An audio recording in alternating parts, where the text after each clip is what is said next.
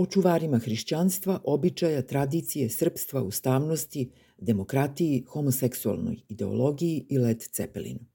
Nikola Kovačević Poslednjih nekoliko nedelja svi smo bili primorani da gledamo port parola većinski potlačene Srbije, Boška Obradovića i njegovu ekipu iz Dveri, litijaše i druge ugledne intelektualce koji jednom nedeljno na ulicama Beograda na protivustavan način upražnjavaju svoje pravo na slobodu okupljanja. Njihovo litijanje ima za cilj da nadležnim organima skrene pažnju na to da je Pride neustavan jer se kosi sa javnim moralom i podriva demokratiju i hrišćanske vrednosti. Pozivaju se na ustav, pominju NATO, gej ideologije, crkvu i ko zna šta još. Sve u cilju odlaganja i Bože zdravlja zabrane Prajda na barem 100 godina. Sve ovo je eskaliralo izjavama predsednika Srbije da se taj Pride ili kako li se već zove otkazuje, odlaže ili kako god, što je kasnije razvodnjeno u molbu ili sugestiju od strane vlade Republike Srbije. Danas više niko ne zna šta će se desiti, ali poslednja konferencija za novinare predsednika Srbije uliva malo više nade da će se celokupan program Prajda realizovati.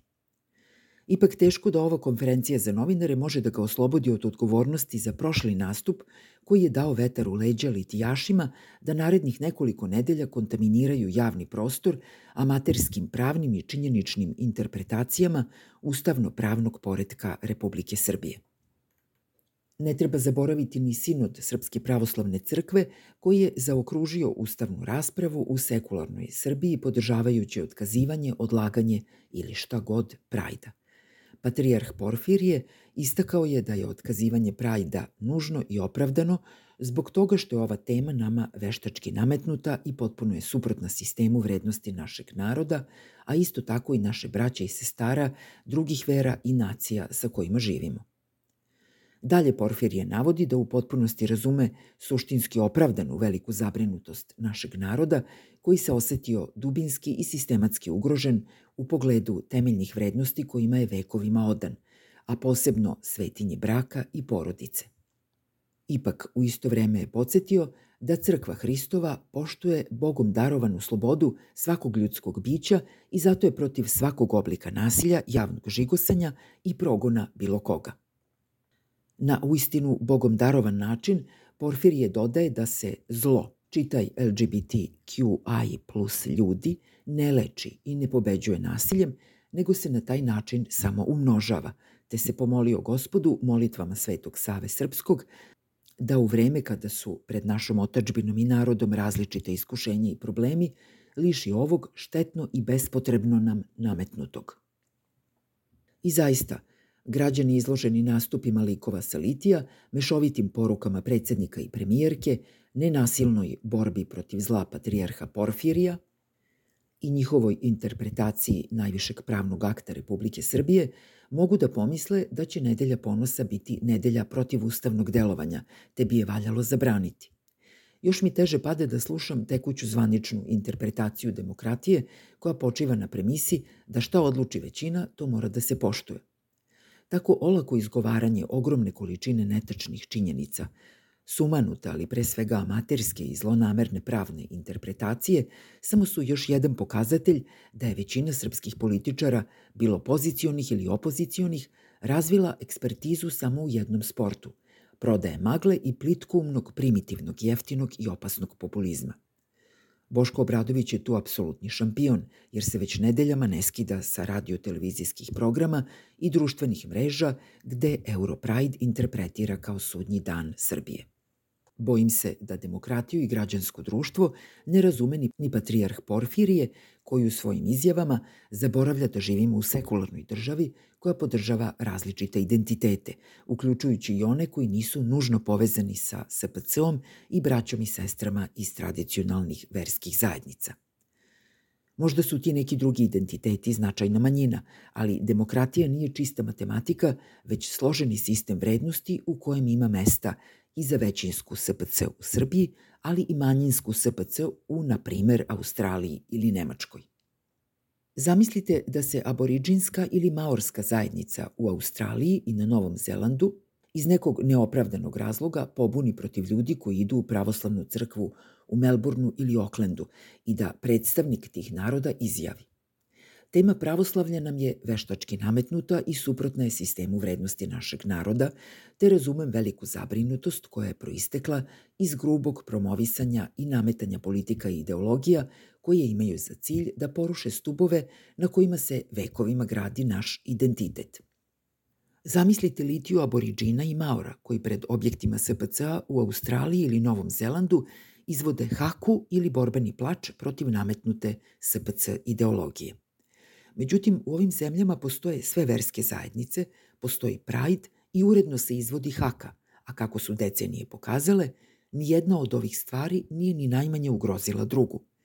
Niti se haka igra u SPC-u, niti izvođači aboriđinskog folklora umesto koplja nose kandila i sveće dok izvode svoj borbeni ples. Da je tokom svog pastirskog života u Australiji i Novom Zelandu pozvao na oružje protiv Prajda u Melbourneu, Veljko Bogunović zaglavio bi tešku robiju i to zasluženo.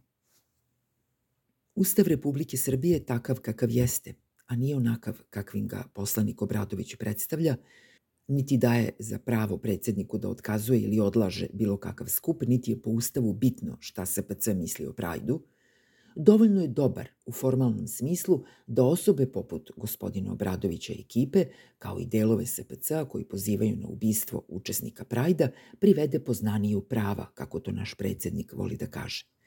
Drugim rečima, Ustav i zakoni proistekli iz njega ne zabranjuju događaje kao što su Pride, protesti za zaštitu životne sredine, protesti poljoprivrednika, rudara, prosvetara i drugih.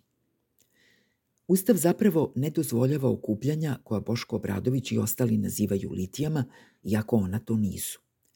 Litije su verske šetnje koje prožima molitva za druge. Ove litije ne sadrže molitve za druge, a ponajmanje molitve za naše LGBTQI plus sugrađane. Samim tim, ova protivustavna parada je poziv na diskriminaciju jedne manjinske i potlačene zajednice i sadrži jedinu molitvu za kršenje njihovih ustavnih prava. Tužno je to što patrijarh Porfirije to nije primetio kao zlo, jer je upravo borba protiv zloupotrebe vere za potrebe gušenja sloboda drugih njegov jedini hrišćanski mandat, a ne odluka o uživanju ili ne ljudskog prava na slobodu okupljanja. Patrijarh je sam rekao da treba poštovati Bogom darovanu slobodu svakog ljudskog bića. Samo da je tu stavio tačku. Da se vratim na nepoznavanje Ustava gospodina Obradovića i njegovu površnu alhemičarsku i protivustavnu manipulaciju kojom obmanjuje građane Republike Srbije i ponižava svoje sagovornike u javnom prostoru izjavama koje su, koliko god se trudio da ih upakuje i naparfimiše, i dalje neustavne i samim tim zabranjene. Svidilo se to pobožnom Obradoviću ili ne, njegovo delovanje, pored toga što nije ustavno, nije ni hrišćansko, jer posle više nedeljnih propovedi u javnom prostoru, svaki akt nasilja na LGBTQI plus ljudima se može pripisati njemu i sličnima. Zapravo, ako ovako nastavi, bez obzira da li on toga svestan ili nije, pojavit će se neko inspirisan njegovim uvijenim i domaćinskim manipulacijama i uradit će nešto strašno tokom prajda. Tada će poslaniče Obradoviću biti kasno da vi, sinut SPCA ili bilo ko drugi, osudi bilo koji vid nasilja, jer neko je već stradao kao mučenik. Ta osuda nasilja, gospodine Obradoviću, bit će isto što i pranje ruku Pontija Pilata, tako da prekinite dok ne bude kasno, ako već i nije. Takođe, mislim da ne moram da dokazujem da Boško Obradović ne zna šta su ljudska prava – On je tipični primer kulturnog relativiste koji interpretira ljudska prava isključivo u skladu sa svojim viđenjem sveta i u punoj meri ih garantuje samo tradicionalnim, porodičnim, pravoslavnim i domaćinskim pripadnicima srpskog naroda. Drugim rečima, u Boškovom svetu nema mesta ni za LGBTQI plus ljude, ni za izbeglice i migrante, a verovatno ni za mnoge druge ugrožene kategorije čiji marginalizovani položaj u ovom trenutku nije podoban za bedno i jeftino buđenje još bednijih 3 ili 4 odsto koje su dveri u koaliciji osvojile na izborima. Zbog spuštanja izbornog cenzusa, Boško Obradović, sakriven iza imuniteta narodnog poslanika, ali i nesposobnosti nadležnih institucija da stave tačku na njegovo neustavno ponašanje, truje javni prostor najtežim oblicima diskriminacije i mržnje, dokazujući time da ne posjeduje ni džepno izdanje Univerzalne deklaracije o ljudskim pravima. Dokumenta koji je usvojen nakon perioda u kome su ljudi njegovih stavova i metoda krojili narativ nepostojeće kolektivne žrtve, stvarajući na takav način atmosferu koja je kasnije celu Evropu odvela u totalni rat. Ne, ne kažem da Boško Obradović zagovara treći svetski rat, već da se služi metodama manipulacije kojom produkuje veštačku ugroženost većinskog srpskog pravoslavnog i tradicionalnog naroda nasprem opasnih homoseksualnih lobista koji su došli da tom narodu uzmu obrazovanje, decu, veru i ko zna šta još, te je samo odbrana, čitaj nasilje, diskriminacija i marginalizacija, nužna. Isto se može reći i za deo izjave patrijarha Porfirija, koji u svojoj objavi pominje borbu protiv zla, dodajući da odgovor na to nije nasilje. Da li to znači da je Pride zlo? Ako je odgovor potvrdan, bojim se da ne doživljavaju svi vernici borbu protiv zla kao nenasilnu, što smo videli nebrojano puta. Pitam se samo kako je moguće da ni poslanik Obradović, ni patrijarh Porfirije nisu primetili čisto zlo u nacističkom govoru Viktora Orbana o mešanju rasa, već su njegov manifest okačili na svoj sajt, dveri, to jest dodelili mu orden Svetog Save, SPC. Ponašanje Boška Obradovića i sličnih u kontekstu Srbije i Balkana jednako je ponašanju Sepaha u Iranu, koji takođe na izopačen način izokreće predivne persijske običaje i muslimansku veru i vodeći se demokratskim principima tlači različite manjine pa tako i seksualne. Naravno sve u ime javnog morala. Njegovi stavovi odgovaraju onima koje zastupaju političke elite u Rusiji i Orbanove elite u Mađarskoj. Ono što je zajedničko Orbanu i Obradoviću jeste to što su geografski locirani na podneblju na kome ne mogu tako lako da olakšaju dušu i urade sve što im je na srcu, a u smislu daleko većeg tlačenja LGBTQI plus ljudi, izbeglica i drugih. Zapravo Orban može dosta više, jer je Mađarska zemlja članica Evropske unije koja se pokazala neefikasnom u suzbijanju njegovog populizma i kršenju demokratije, dok Boško može malo manje, jer je Srbija zbog političkih elita i lidera u koje i on spada danas tepih kojim svako briše noge, i istok i zapad i sever i jug. U ovom slučaju to ispada i dobro, jer se pozivi međunarodne zajednice na poštovanje ljudskih prava svih, pa tako i LGBTQI plus ljudi, doživljavaju kao packa sa zapada zbog koje naša politička elita ne sme da talasa koliko bi htela. Ono što je ipak problem u takvoj vrsti razumevanja i doživljavanja Evropske unije i procesa EU integracija jeste to što se poštovanje ljudskih prava svelo na poglavlja, akcione planove i indikatore, a ne na suštinsko razumevanje sistema vrednosti koji je stariji i od države i od crkve i od Evropske unije i koji dozvoljava svakome, bez obzira na lična svojstva, jednak pristup svim generacijama ljudskih prava. U toj konfuziji Osobe poput poslanika Obradovića i njemu sličnih imaju savršeni prostor za manipulacije koje ovaj već sluđeni narod dovode do ludila. Gospodine Obradoviću, ljudska prava svih, pa tako i LGBTQI plus ljudi, nemaju nikakve veze sa EU, niti sa SAD, niti sa Rusijom, niti sa Kinom.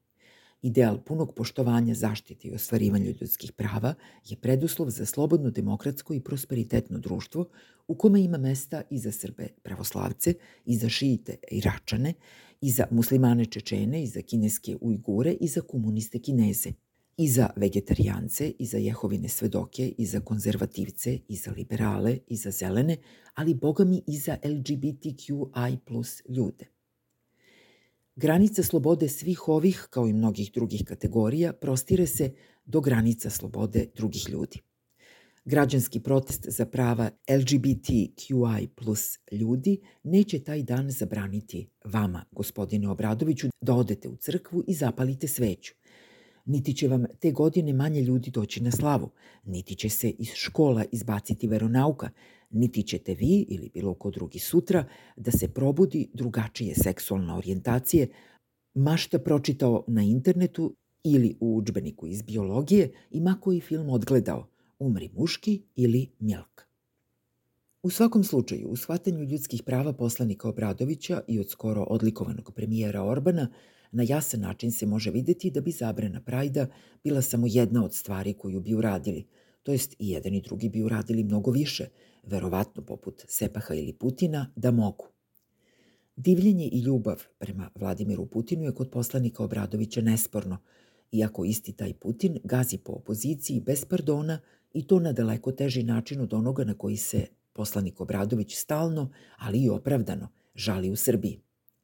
U tome je njegovo licemerje i neprincipijelnost, koji se oslikavaju kroz različite interpretacije identičnih stvari, a u zavisnosti od potrebe – Isto bismo mogli da kažemo i za patrijarha Porfirija, koji je odlikovao Orbana zbog odbrane hrišćanskih vrednosti, ali mu verovatno ne pada na pamet da odlikuje njegovog najvećeg sledbenika sa ovih prostora, Boška Obradovića, da ne bi navukao gnev političkih elita koje vode ovu državu, a protiv kojih ne sme ni da zucne. E to ubija ovo društvo, ne Pride. Više niko od nas ne zna ko se zašta zalaže, a kako stvari stoje, svi se, pa tako i gospodin Obradović, zalažu za ono što im u tom trenutku najviše politički odgovara.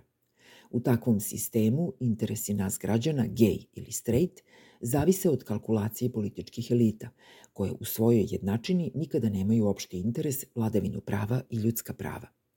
I da podvučem, to što pominjem Putina ne znači da imam bilo šta protiv Rusije ili ruskog naroda. Niti je Rusija Putin, niti je Putin autentični predstavnik ruskog naroda. Moje želje za Rusiju i ruski narod iste su kao i moje, ali mislim i dobrim delom vaše želje, gospodine Obradoviću, za Srbiju i srpski narod. Slobodni izbori, sloboda medija i vladavina prava. Nema ih ni ovde, ni tamo. Takođe, teško je oteti se utisku da je poslanik Obradović sebi dao za pravo da odluči ko su porodični i pravoslavni domaćini, te samim tim i protivnici Prajda. Evo recimo ja sam heteroseksualac koji slavi slavu u skladu sa pravoslavnim srpskim običajima i tradicijama. Imam veliku porodicu i podržavam Pride. Bacam sa tatom orahe u ćošak dok unosim badnjak, kršten sam i krstio sam drugi. Šta ćemo sad? Jel mi treba zabraniti ulazak u crkvu, oduzeti slavu i izbrisati i moju i krštenicu svih koje sam krstio iz crkvenih evidencija? Verujem da ima još mnogo ljudi koji spadaju u ovu kategoriju sa mnom ili sličnu kategoriju ili potpuno drugačiju, ali koji sa Boškom Obradovićem ne dele ni jedan jedini stav ili su u krajnjem slučaju indiferentni, a život im prožimaju pravoslavni običaji i tradicije. Samim tim dubina iluzije u koju je poslanik Obradović upao oslikava standardne karakteristike prosečnog srpskog političkog lidera – egocentrizam, populizam i iluzornost da ima legitimitet da priča ispred bilo koje grupe, pogotovo neke velike, ali i da definiše uslove da ne bude član te grupe ili, što bi se reklo, da ne bude deo ekipe. Tužno je gospodine Obradoviću da je naš sistem vrednosti postao do te mere razoren da vi možete predstavljati narodnog poslanika, domaćina i hrišćanina – jer živimo u teška vremena u kojima je zavladala prosečnost, površnost, protivustavnost, ksenofobija i populizam, koji se oslikavaju u vašim javnim obmanama i nastupima. Još mi je teže da svarim genezu Boškove borbe, u kojoj je sada počeo sebe javno da proglašava žrtvom napada mračnog i moćnog gej lobija koji je udario na njega, najhrabrijeg među svojim istomišljenicima i koji je odlučio da na svojim leđima ponese krst za narod i otačbinu – Drugim rečima, ovo je još jedan primer obmane, manipulacije i izvrtanja činjenica, gde su oni koji su se drznuli da odgovore na njegovo skaredno tumačenje Ustava, demokratije, pravoslavlja, ljudskih prava i porodičnih tradicija, neki zli ljudi koji su skočili na njega jadnog, najglasnijeg i samog. Takve interpretacije reakcije na koju je naišao, oni me napadaju, ali ja se ne dam i spreman sam da se žrtvujem, iako niko ne želi da ga žrtvuje, zvuči poznato i može se čuti barem jednomesečno u više časovnim monolozima koji iz nekog razloga nose naziv konferencija za medije. To je i savršen primer njegovog razumevanja demokratije i debate. Drugim rečima, njegovi pozivi na protivustavnu zabranu Prajda su sloboda izražavanja, a kontraargumenti njegovim stavovima okarakterisani su kao mračni, soroševski, zapadni i homoseksualni lobi, To je isto kao kada Đilas, kada kaže da je u Srbiji ugušena sloboda medija, kao odgovor dobije tvrdnju da je tajkun. Ili kada poslanik Obradović kaže da su izbori pokradeni, a Đuka mu kaže da je fašista i da bije žene. Svoju ustavno-pravnu analizu počeću sa jednom presudom Evropskog suda za ljudska prava u narodu popularnog kao sud u Strasboru. Prema tome nije sud u Briselu, niti je sud u Vašingtonu ili Moskvi, niti je Boži ili strašni sud, već je sud u kome sede sudije i iz Engleske, i iz Severne Makedonije, i iz Grčke, i iz Švedske, ali i iz Srbije. Drugim rečima, u tom sudu sede različiti narodi, vere ateisti, a vrlo verovatno i LGBTQI plus ljudi. Ovaj sud je na jasan način istakao da su izjave koje promovišu nasilje ništa drugo nego pitanje krivične odgovornosti onih koji na tako nešto pozivaju i prebacuje teret na nadležne pravosudne organe da u takvim slučajevima reaguju. I zaista, pregršt je slučajeva u Srbiji u kojima su govor mržnje, pretnje smrću ili drugim zlom, pa i same uvrede, dovele do krivičnog gonjenja ili kažnjavanja. Tako su pravosnažno i krivično osuđeni ljudi koji su pretili srpskom predsedniku i ministrima, koji su napadali i pretili opozicionarima i novinarima. Nisu možda sve kazne bile srazmerne težini učinjenih dela, ali je reakcija pravosudnih organa u velikom broju slučajeva postojala. Na primer, Evropski sud za ljudska prava je ruskoj vladi u predmetu Aleksejev protiv Rusije, koji se odnosi na zabranu prajda u Moskvi, na jasan način naznačio sledeće – Što se tiče bilo kakvih izjava koje pozivaju na nasilje i podstiču na krivična dela protiv učesnika javnog događaja, poput onih od muslimanskog sveštenika iz Nižnjeg Novgoroda, koji je rekao da homoseksualci moraju biti kamenovani do smrti, takve izjave su incidenti koji počivaju na pretnji nasiljem, koji su se mogli adekvatno rešavati kroz krivično gonjenje odgovornih – Međutim, izgleda da vlasti u ovom slučaju nisu reagovale na poziv sveštenika na nasilje na bilo koji drugi način osim zabranom događaja Prajda u Rusiji koji je on osudio.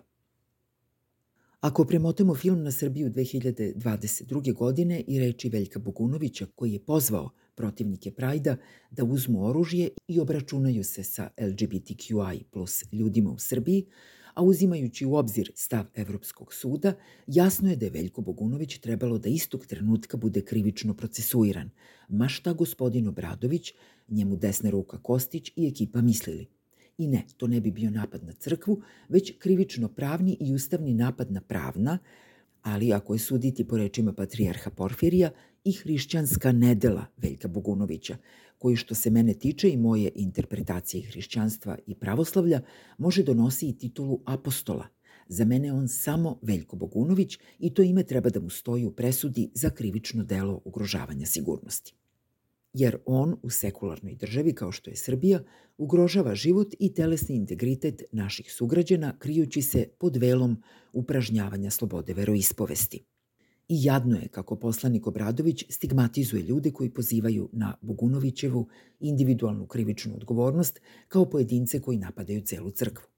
Takvi jeftini trikovi su i odraz jednostavnosti i površnosti njegovih nastupa i samim tim njegove politike.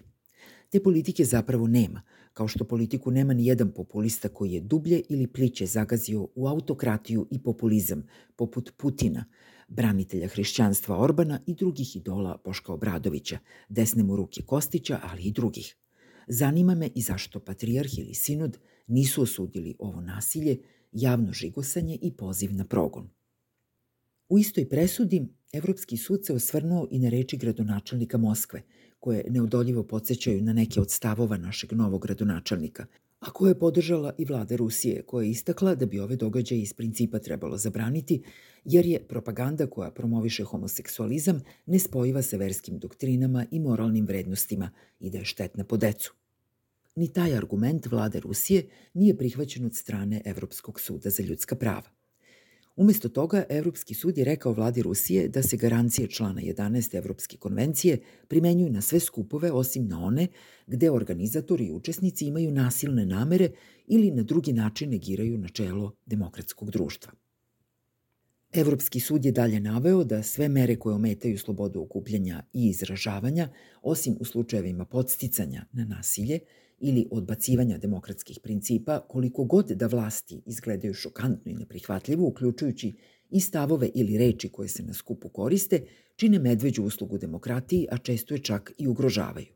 To je ta bogom darovana sloboda.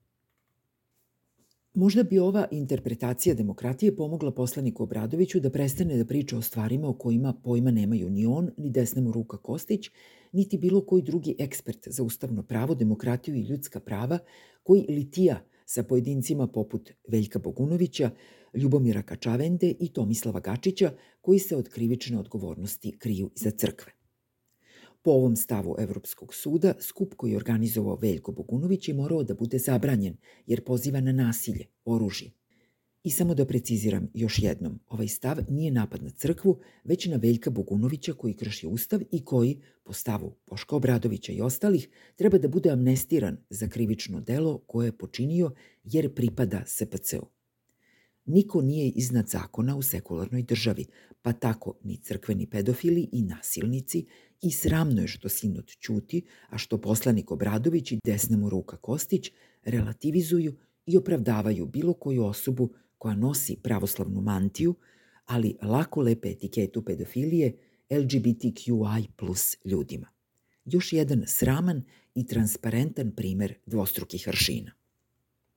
Sud dalje podsjeća rusku vladu, a ja ovim putem poslanika Obradovića, da je nespojivo sa osnovnim vrednostima konvencije da je ostvarivanje prava manjinske grupe uslovljeno njenim prihvatanjem od strane većine. Evropski sud dalje kaže da, ako bi to bilo tako, prava manjinskih grupa na slobodu veroispovesti, izražavanja i ukupljanja postala bi samo teorijska, nepraktična i nedelotvorna. Drugim rečima, nije demokratija kada većina tlači manjinu, niti je demokratija ugrožena kada se manjina bori za svoja ljudska prava ne ugrožavajući većinu. Iz ovog paragrafa, gospodine Obradoviću, treba da učite šta je demokratija, iako je žalosno da za sve ove godine za koje ste bili poslanik to niste uspeli da shvatite. I na kraju, moj omiljeni deo presude – Ne postoje naučni dokazi ili sociološki podaci koji su na raspolaganju sudu koji bi sugerisali da bi samo pominjanje homoseksualnosti ili otvorena javna debata o društvenom statusu seksualnih manjina negativno uticali na decu ili ranjive odrasle osobe. Naprotiv, samo kroz poštenu i javnu debatu društvo može da se pozabavi tako složenim pitanjima kao što je ovo pokrenuto u ovom slučaju. Takva debata, potkrepljena akademskim istraživanjem, koristila bi društvenoj koheziji tako što bi osigurala da se čuju predstavnici svih stavova, uključujući pojedince o kojima je reč. To bi takođe razjasnilo neke uobičajene tačke konfuzije, kao što je da li se osoba može obrazovati ili namamiti homoseksualnost ili iz nje, ili se dobrovoljno odlučiti za ili odustati od nje. Upravo je to bila vrsta debate koju je podnosilac predstavke u konkretnom slučaju pokušao da pokrene. Polazeći od ovog zaključka Evropskog suda, mislim da Boško Obradović kao veliki ustavobranitelj, koga bih na satiričan način svrstao u ranjive odrasle osobe, konačno može mirno da spava sa svim svojim istomišljenicima. Kako kaže Evropski sud, ne postoje naučni dokazi ili sociološki podaci koji ukazuju da su Pride ili okrugli sto o LGBTQI plus pravima ili pornofilm ili dokumentarac promenili nečiju seksualnu orijentaciju – Da je to tako, kako on ili ruska vlada u predmetu Aleksejev tvrde, onda bi Boško Obradović odavno doživeo transformaciju u svoju najveću fobiju, te bi obukao kožno odelo, uzeo bič i udarao po zadnjici Ivana Kostića na Pride kamionu dveri, dok Miša Vasić pored sparinguje sa vazduhom u kupaćim gaćicama. Naravno, ovaj satirični primer koji je inspirisan amsterdamskim Prideom, na primer, polazi od Boškove premise da višegodišnje konzumiranje gej ideologije koja se oslikava kroz njegovo neumorno scrollovanje kroz gej sajtove, a sa ciljem sakupljanja dokaza lascivnosti i nemoralnosti srpskog prajda, dovodi do transformacije u seksualnoj orijentaciji. Ipak ta transformacija je realna kao i njegovi strahovi od masovnog naseljavanja izbeglica, ali i poput njegovog dobrog poznavanja izbegličkog i međunarodnog prava koje je na nivou Orbana, Salvinija i njemu omiljenog bivšeg populističkog ministra inostranih poslova Austrije Herberta Kikla. Drugim rečima, poslaniče Obradoviću, prekinite da pričate gluposti. Što više pokušavate da dokažete da Pride ugrožava bilo koga na bilo koji način, to sve tužniji ispadate, makoliko se ljudi u našoj zemlji slagalo sa vama ili ne. To nije merilo u građanskoj demokratiji. Satiru na stranu i da se vratimo na ustavnu raspravu i razlogu zašto sam krenuo od prakse Evropskog suda za ljudska prava. Ovo gore je samo jedna od desetina presuda koje se odnose na ljudsko pravo na slobodu okupljanja. Ono je zajemčeno Evropskom konvencijom koju Evropski sud štiti kroz pojedinačne presude. Evropski sud je međunarodno telo za zaštitu ljudskih prava koje nadzire primjenu Evropske konvencije, najlepšeg i najefikasnijeg međunarodnog instrumenta kojim se nama evropljanima i sa istoka i sa zapada i sa severa i sa juga jemče različita ljudska prava, kao nikome na svetu, pa tako ni tim zlim Amerikancima. E sada Boško, Ivane i ostali, otvorite novi tab pored svih tih Google pretraga LGBTQI plus protesta širom sveta i ukucajte Ustav Republike Srbije. Kaže Ustav u članu 1 da je Republika Srbija država srpskog naroda i svih građana koji u njoj žive, zasnovana na vladavini prava i socijalnoj pravdi, načelima građanske demokratije, ljudskim i manjinskim pravima i slobodama i pripadnosti evropskim principima i vrednostima. Dalje u članu 3 stoji da je vladavina prava osnovna pretpostavka Ustava i počiva na neotuđivim ljudskim pravima. Mislim da je zanimljivo da se pomene i član 11 koji kaže da je Republika Srbija svetovna država i da su crkve i verske zajednice odvojene od države. Član 108 stav 2 kaže da predmet referenduma ne mogu biti obaveze koje proizlaze iz međunarodnih ugovora, zakoni koji se odnose na ljudska i manjinska prava i slobode, te je konačno došlo vreme da prestanete da koristite i taj argument, jer ne može se odlučivati o pravu na slobodu okupljanja na referendumu. Ipak, moji omiljeni članovi za sve pravne eksperte koji vole da relativizuju snagu i neposrednu primenjivost ljudskih prava su članovi 18 i 19 koji glase ovako. Ljudska i manjinska prava zajemčena Ustavom neposredno se primenjuju. Ustavom se jemče i kao takva neposredno se primenjuju ljudska i manjinska prava zajemčena opšte prihvaćenim pravilima međunarodnog prava, potvrđenim međunarodnim ugovorima i zakonima.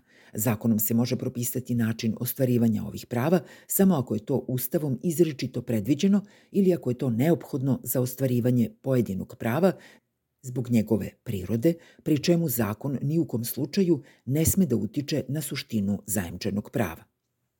Odredbe o ljudskim i manjinskim pravima tumače se u korist unapređenja vrednosti demokratskog društva saglasno važećim međunarodnim standardima ljudskih i manjinskih prava, kao i praksi međunarodnih institucija koje nadziru njihovo sprovođenje. Član 18. Jemstva neotuđivih ljudskih i manjinskih prava u Ustavu služe očuvanju ljudskog dostojanstva i ostvarenju pune slobode i jednakosti svakog pojedinca u pravednom, otvorenom i demokratskom društvu zasnovanom na načelu vladavine prava. Član 19. E sada, da malo uprostimo stvari za poslanika Obradovića, desnu mu ruku Kostića i ostale litijaše. Onaj gore pomenuti Evropski sud za ljudska prava je međunarodna institucija iz člana 18 stava 3 Ustava, koji nadzire Evropsku konvenciju koja je međunarodni ugovor iz člana 18 stava 2. Shodno tome, naš ustav je direktno i kao pravno obavezujuću prepoznao praksu Evropskog suda za ljudska prava i njegovo tumačenje Evropske konvencije, čiji član 11 je identičan članu 54 Srpskog ustava koji jemči pravo na slobodu okupljanja. Dodajmo na to i presudu Aleksejev i evo vam odgovora o tome šta je ustavno, a šta nije i šta je moralno, a šta nije. Drugim rečima, Pride kao manifestacija kojom se mirnim putem ukazuje na probleme LGBTQI plus zajednice je savršeno ustavni, ali i moralni način borbe u modernom demokratskom društvu koje nije onakvo kakvim ga poslanik Obradović zamišlja. Sa druge strane, litije u kojima hodaju Velja, Ljuba i Toma, narodne patrole, poslanik Obradović, desna mu ruka Kostić i ostala ekipa su protivustavne, jer pozivaju na zabranu ustavom zagarantovanog prava na slobodu okupljanja i na nasilje. Sve što gospodin Obradović i ekipa propovedaju danima u javnom prostoru, bez da ih nespremni novinari ne pitaju da li su normalni. Već je izgovoreno od strane nekih ruskih, mađarskih ili iranskih Obradovića, Kostića i drugih – Njihovi argumenti, ali kako stvari stoje i argumenti gospodina Porfirija, gej ideologija, demokratija i tako dalje, su pred Evropskim sudom za ljudska prava, čije odluke su pravno obavezujuće za sve, a pogotovo narodnog poslanika Boška Obradovića i desne mu ruke Kostića, odavno osporeni pravnim, naučnim, sociološkim i svim drugim argumentima – To što je sud rekao u jednoj od presuda na koju sam se pozvao u ovom tekstu predstavlja i ustav i zakon za poslanike Obradovića i Kostića koje moraju da poštuju. To što je rekao sud u Strasburu nema veze sa NATO bombardovanjem Srbije. Nije Evropska unija i njena pregovaračka poglavlja, nije američki imperializam, niti britanski ili francuski kolonijalizam. Starije je to od svega nabrojanog, kao i od ruske agresije na Ukrajinu, zločina počinjenih od strane Azovaca nad Rusima, kineskog tretmana Ujgurua i iranskih šerijetskih pravila kojima se LGBTQI plus ljudi mogu osuditi na smrt. To što piše u presudi suda u Strasburu starije je i od hrišćanstva i od SPC, jer proističe iz ideje prirodnog prava, to jest seta urođenih prava, koja treba da ograniče državnu moć i čiji koreni se pronalaze još u antičkoj Grčkoj, ali i mnogim hrišćanskim učenjima poput onog Tome Akvinskog. To što piše u presudi Aleksejev jeste ljudsko pravo na slobodu okupljanja koje je svrstano u prvu generaciju ljudskih političkih prava, baš sa idejom da se kroz okupljanja slobodnih ljudi ograniči državna vlast, koja se stalno podsjeća na obavezu da se stara o demonstrantima i njihovim problemima. To pravo na slobodu okupljanja je upražnjavala ta ista SPC tokom litija u Crnoj Gori. Zapravo ovde se otvara jedno drugo i ne nužno pitanje poštovanja Ustava. Ovde se postavlja pitanje da li u svom javnom delovanju Boško Obradović promoviše politiku koja podrazumeva kršenje Evropske konvencije i da li bi on, kada bi bio u poziciji da odlučuje, doneo odluku da Srbija izađe iz Saveta Evrope, najmodernije i najefikasnije organizacije za zaštitu ljudskih prava na svetu svih, pa tako i LGBTQI plus osoba, izbeglica, migranata i drugih. Da li bi to bio njegov odgovor na pravno obavezujuću odluku suda u Strasburu, pošto se, kako stvari stoje, ona neće promeniti, te dok je Srbija članica Saveta Evrope, moraće da je poštuje i da po njoj kroji i zakone i praksu. Gospodin Obradović to nikada nije javno izgovorio kao što ne izgovara ni mnoge druge stvari za koje je sasvim jasno da ih misli.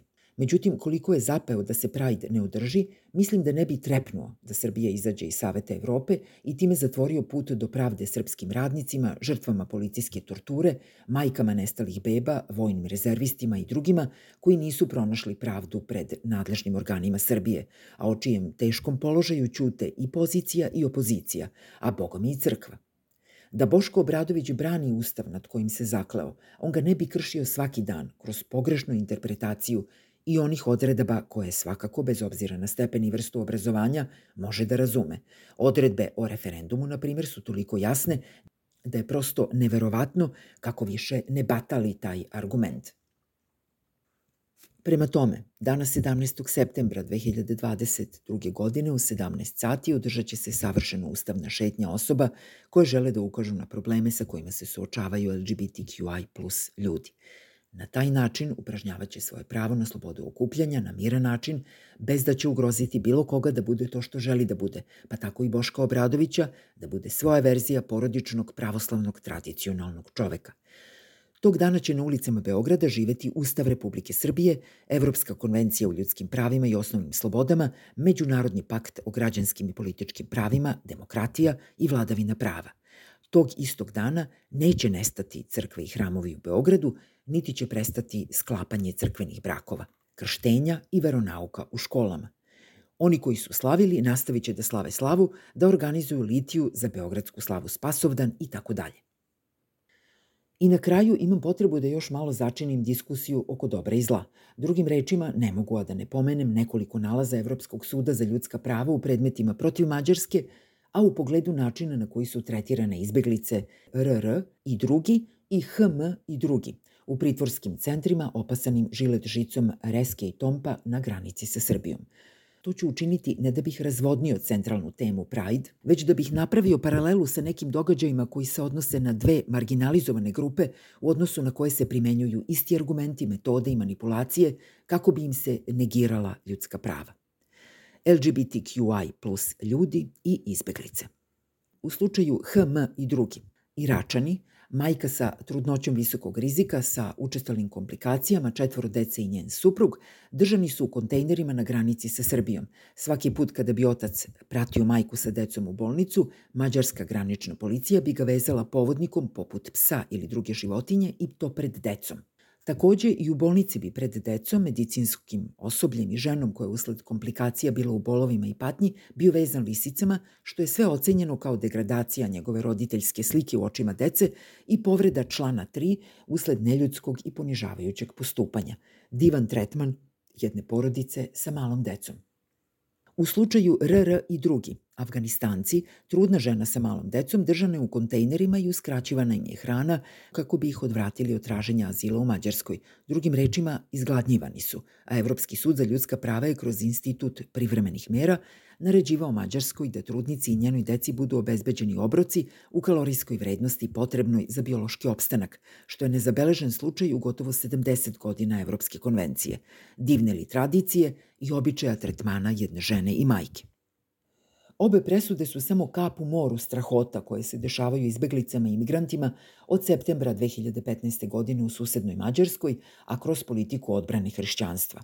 Ona počiva na sledećoj rečenici Viktora Orbana, velikog čuvara hrišćanstva.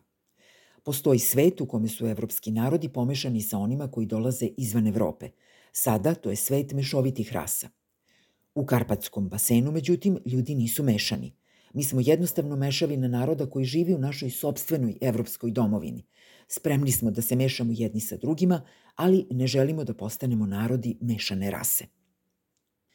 Dana 25. maja 2022. godine dveri su postavile na svoj sajt Orbanov plan od 12 tačaka za pobedu konzervativaca, odakle izdvajam tačku 2.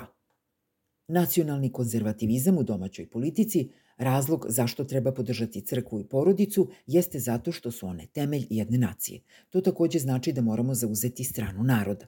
Prema mađarskom premijeru, odlučili smo da stopiramo migraciju i sazidamo zid na našoj južnoj granici, jer su Mađari rekli da ne žele da žive sa ilegalnim migrantima. Oni su rekli, Viktore, napravi taj zid. Tri meseca kasnije zid je podignut. Dana 5. septembra 2022. godine Viktor Orbanu je uručen orden Svetog Save prvog stepena sa propratnim rečima patrijarha.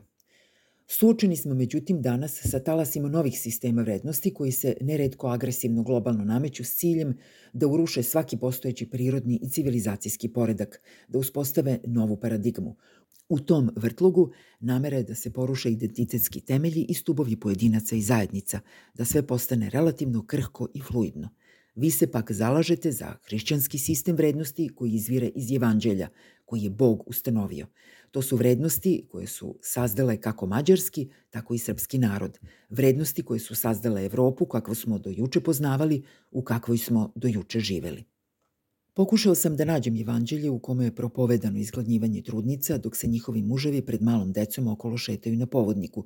Nisam uspeo. Možda u nekoj narodnoj pesmi da pogledam ili postoje neki drugi izvori koji pričaju o ovoj hrišćanskoj tradiciji. Možda će neka od osoba koje pominjem u ovom tekstu moći da mi pomogne. Međutim, sumnjam da će Biblija, srpski običaj i tradicija, evanđelja ili bilo koji drugi kanonski izvori ponuditi opravdanje da se ljudi izgladnjuju, šetaju na lancu pred malom decom i drže u metalnim kontejnerima.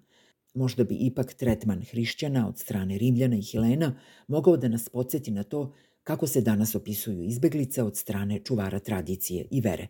Na isti način se opisuju i LGBTQI plus ljudi.